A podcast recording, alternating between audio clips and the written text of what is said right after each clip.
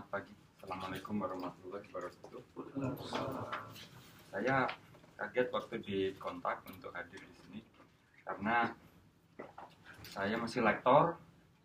Jadi kalau di sini asisten ahli, di sini guru besar, rektor itu di sini, di mendekat ke bawah jabatannya. Jadi kalau bapak lihat di sini ada Pak Suharyo, ada Pak, saya itu ada di sini. Itu pun kalau karpetnya dibuka baru saya kelihatan. Jadi saya bukan apa-apa.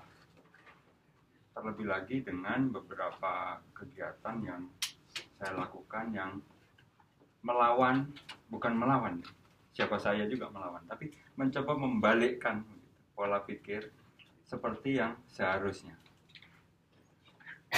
Jadi uh, kurang lebih seperti itu dan Pak Hendro sudah menjelaskan banyak tentang repositori dan saya akan coba sampaikan dalam format yang lain karena pikiran saya ini acak Pak. Bapak tanya saya setengah jam lagi udah banyak lagi informasi di sini.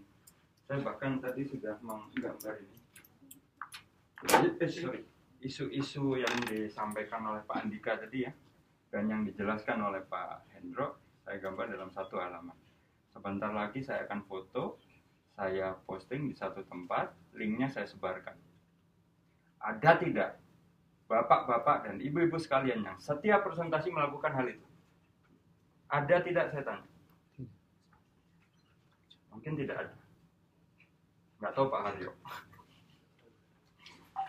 Jadi saya selalu melakukan hal-hal seperti ini dan ini blog post ya ini maksudnya bisa saya jadi ini sudah saya tulis di sebagai blog post nanti sore juga dalam perjalanan pulang ke Bandung ini juga sudah akan banyak tambahan. Nah di sini ada beberapa hal umum yang saya sampaikan. Jadi sains terbuka itu bukan hal baru. Ini hal lama karena bapak pasti ingat kalimat ini kan? Apa pun agamanya kalau kebetulan muslim pasti ingat kalimat ini. Ya kan?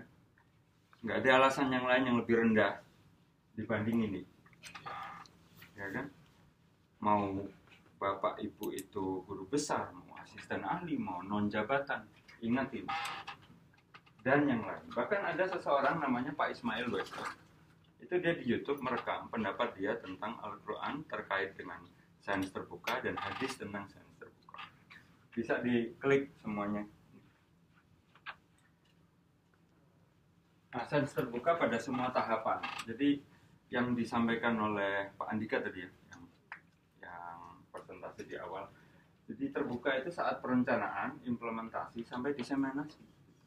Jadi di luar negeri itu sangat biasa. Proposal itu submit, dipublikasikan. Kalau di sini kan disembunyikan, ya kan? Kalau saya, saya taruh di blog post, Pak. Jadi semua orang tahu. Gitu kan.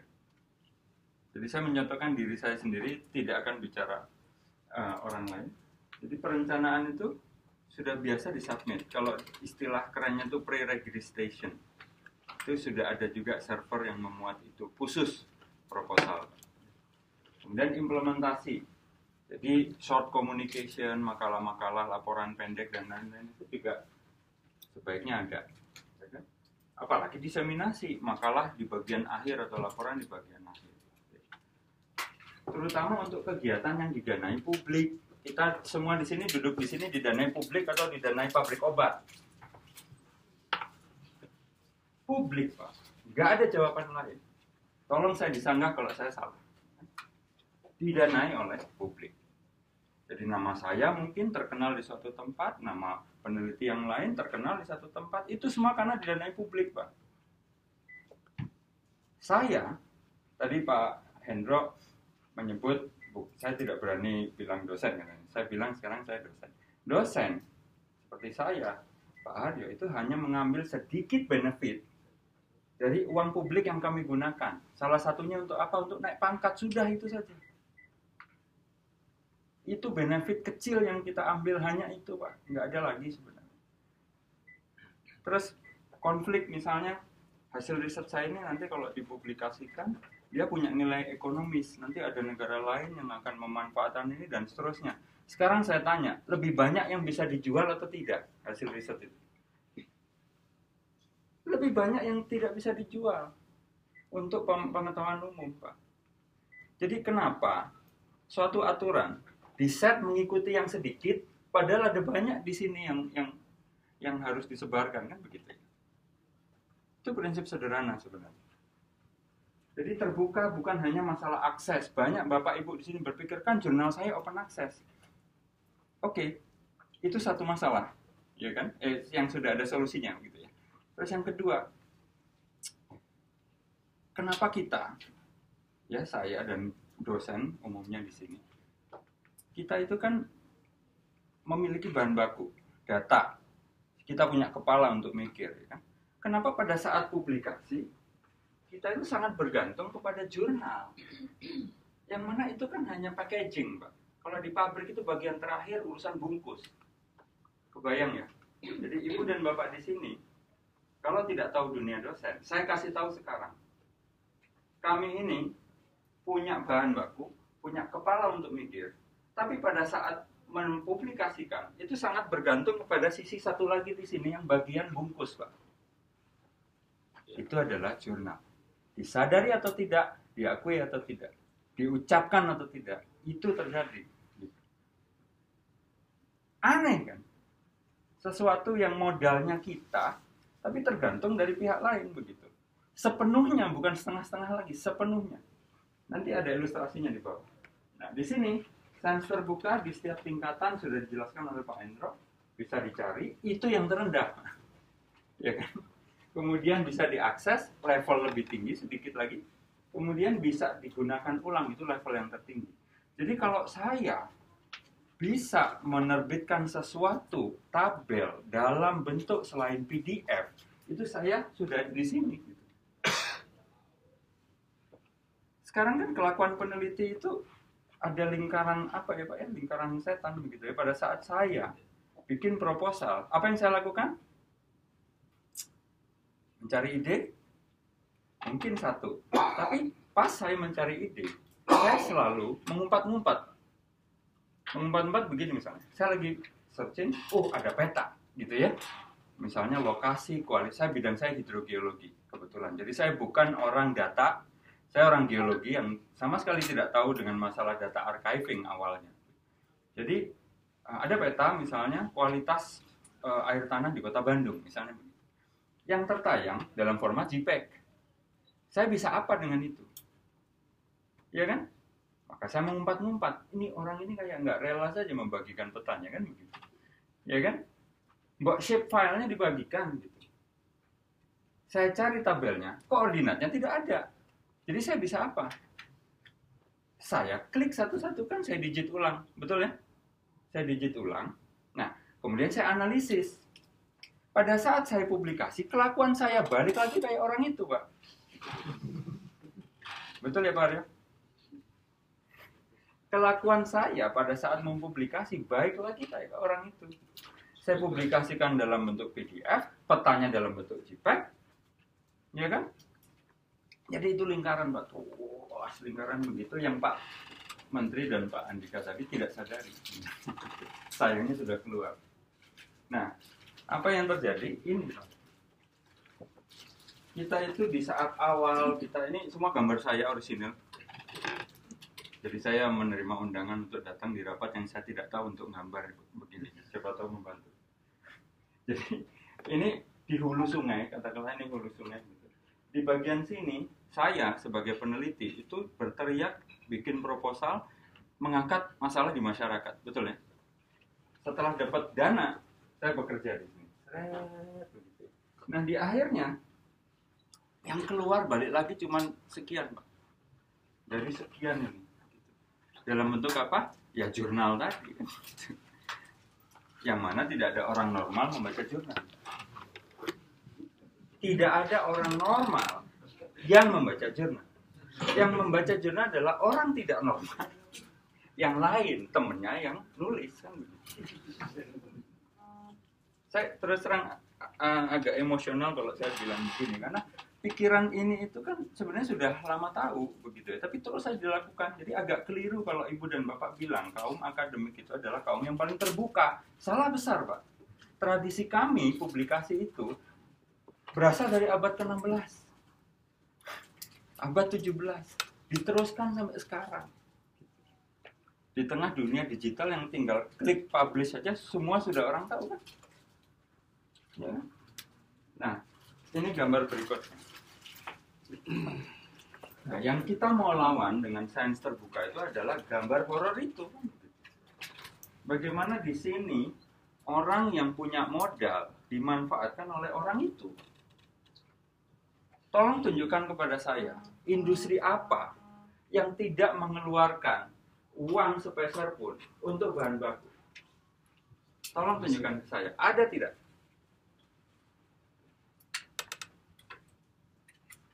Industri apa yang tidak mengeluarkan modal untuk membayar bahan baku? Ternyata ada dan cuma satu. Ini nggak ada lagi. Dan semua infrastruktur turunannya, industri turunannya. Pengindeks itu hanya turunan, Pak. Jadi inilah yang terjadi. Kita itu menghindari itu. Kalaupun kita ingin bekerja sama dengan mereka, pastikan kita pegang punya kita, gitu, Pak. Ya kan? Sambil kemudian makanya saya juga mendirikan ini tahun 2017 yang saya cuma bawa satu dan ini juga bekas saya pakai. Saya mendirikan ini sebagai salah ini server sebagai salah satu media orang untuk bisa mempertahankan hak dia pak. Karena begitu hak kita dipublish di situ kita harus tanda tangan surat. Yang kita tidak sadar sebenarnya kita limpahkan milik kita, sebagian kecil, sebagian besar, atau seluruhnya ke mereka, ke sini. Dengan balasan apa? Prestis, Pak, nggak ada lagi. Karena layanan mereka itu apa sih? Hosting server, kita bisa melakukan itu. Melayout, siapa sih yang nggak bisa Microsoft Word? Ya kan? Melayout makalah dengan cantik, nggak ada masalah, Pak. Jadi, satu-satunya yang mereka tawarkan hanya prestis. Jadi peneliti itu terbiasa supaya ingin diakui. Dia pakai Mercy hanya untuk bisa diakui. Parkir di Mercy parking only. Sementara masyarakat yang butuh itu ada di halte bis di sini, Pak. Itu ilustrasi yang paling dekat yang saya bisa bilang. Nah, apa manfaatnya data, paper, laporan atau apa pun bahkan slide presentasi hari ini ini pak. Tahu ini? Dia bisa terbang nggak dalam film? Tidak bisa. Tapi kalau dia nonton film up mungkin dia bisa niru. Oh saya mungkin bisa pakai balon-balon itu untuk terbang kan? Gitu. Ya kan? Jadi kita itu selalu begini. Tidak rela kalau karya kita dipakai orang gitu. Padahal yang diukur salah satunya apa? Sitasi. Jadi kelakuan kita sendiri itu melawan ini Pak hukum ini. Justru kalau kita ingin sitasinya tinggi, maka marketing kan kan begitu. Kelakuan kita justru sebaliknya sebenarnya begitu. Kalau memang saya berorientasi ke sitasi, kelakuan saya sebenarnya tidak mendukung itu. Dengan data tidak dipublish, peta tidak disediakan format mentahnya misalnya. Kebayang ya Ibu Bapak ya? Memang rumit ini tuh makanya saya nggak gemuk-gemuk nah sekarang saya juga bersama beberapa rekan saya membuat ini rute publikasi ini. Ini yang sekarang terjadi dan paling banyak dipakai oleh orang Indonesia. Yang pertama nggak tahu kenapa orang Indonesia itu kalau nulis sesuatu inginnya open access modusnya. Padahal modus open access ini bukan modus yang paling tua. Justru yang paling tua itu yang berbayar. Abonemen seperti koran Pak itu saya nggak tahu. Nah jadi yang pertama adalah jurnal OA ya. Ini kalau diklik resolusinya akan lebih bagus jurnal OA itu siapa yang membayar? Institusi ya kan? Kalau penulisnya nggak punya uang. Kalau penulisnya punya uang ya dia bayar sendiri juga kan? Kemudian siapa yang mengeluarkan dana riset? Pasti negara ya kan? Siapa yang mendapatkan keuntungan jangka pendek?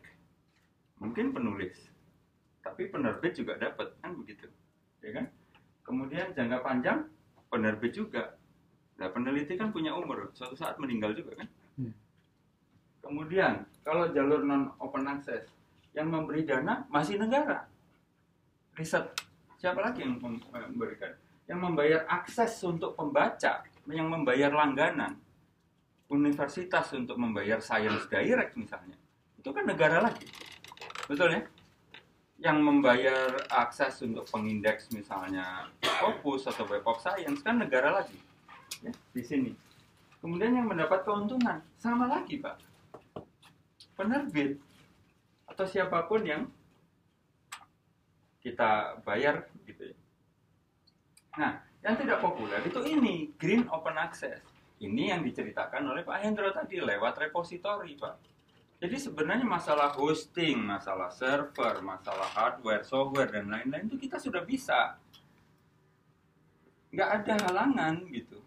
Tapi toh kita masih tetap memilih dua ini. Kebayang ya?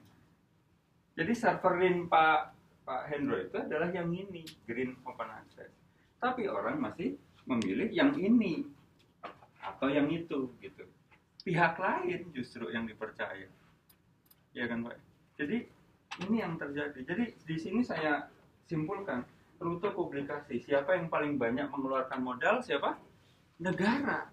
Siapa yang mendapatkan paling banyak keuntungan? Penerbit, nggak ada lagi, Pak. Ya kan? Jadi ini judul saya itu lestarikan sains jangan terlantarkan. Makanya covernya itu tadi gerbong-gerbong tadi. Nah ini ilustrasi sedikit. Ini virus corona yang kemarin, ya kan? Ini Google Trend, Pak. Bisa dilihat. Ini eh, pencarian corona. Yang ini, yang biru, eh, yang merah itu SARS, yang kuning itu MERS, yang HIV itu yang hijau. Yang ungu itu flood. Flood itu kalau dibandingkan dengan corona nggak ada apa-apa, Pak. Padahal kalau ini dihapus, yang ungu ini begini. Banjir Jakarta kan? Nah. Orang juga kemudian sangat terpukau dengan grafik ini. Bagaimana John Hopkins University membuat peta real time penyebaran dari coronavirus. Padahal modalnya ini apa? GIS software, akun cloud, sama database. Apa kita nggak punya itu? Punya. Gitu. Jadi di sisi satu sisi kita sangat terkagum-kagum dengan ini, di sisi lain kita ini Pak tadi yang Pak Hendro katakan. Jadi di satu sisi kita terkagum-kagum dengan gambar-gambar seperti ini. Sementara di saat yang sama selalu ragu atau enggan atau bahkan malas untuk membagikan slide presentasi Pak. Even slide presentasi. Ya kan? Secara daring atau meminta panitia nggak perlu dia, tolong panitia upload ke satu tempat, nyuruh aja enggak. Ini terjadi kemarin seminar coronavirus di ITB. Saya sudah minta menyediakan diri mana slide-nya, saya yang bantu upload. 24 jam lebih sekarang, tidak ada satu orang pun yang mengirimkan slide. Kebayang ya Pak Ibu ya? Nah, ini sedikit lagi nih. Ini kalau saya pakai database dimensions yang bisa diakses di mana-mana kebetulan. Nah, ini hasilnya Pak. Jadi tentang coronavirus ada sekitar 200 lebih. Ini fluktuasinya. Ini tahun 2020 mulai ada. Kemudian yang menarik adalah ini penyakit menular. Ada juga yang masih close, 157. Tapi kurang sedikit, bedanya sedikit. Ada yang sudah open access. Ya kan? Mayoritas artikel, chapter, proceeding, preprint, ya, jadi mayoritas masih artikel. Jadi bahkan untuk urusan virus yang mematikan, para peneliti itu masih berpikir mau dipublish di mana ya gitu. Kebayang ya? Saya ngetik blog ini nggak nyampe satu jam, dibandingkan harus nunggu jurnal mungkin tiga minggu, mungkin satu bulan. Kalau untuk kasus yang yang sedang in begini, ya kan? Ini di bagian akhir saya sertakan ini catatan saya terhadap seminar yang kemarin itu.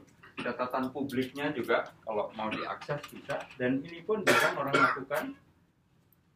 Jadi pada saat rapat jarang ada orang yang membuat catatan publik. Ini saya contohin. Ini catatan publiknya, yang mana saya buka orang untuk bisa memberikan komentar. Ini ada yang akses satu orang. Ini. Yang gini-gini jarang dilakukan. Jadi akibatnya rapat juga tidak ada dokumentasi sama sekali kan? Ini dokumentasi publik.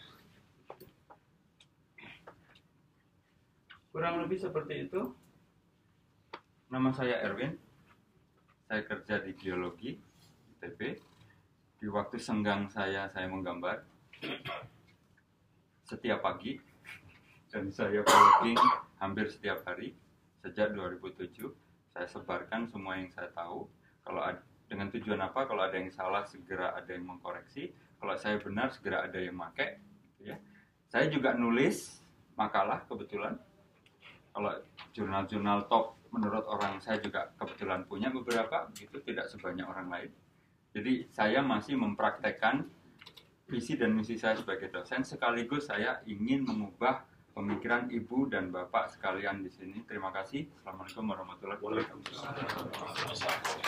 Kita Pak Emin tadi dari Pak Henry.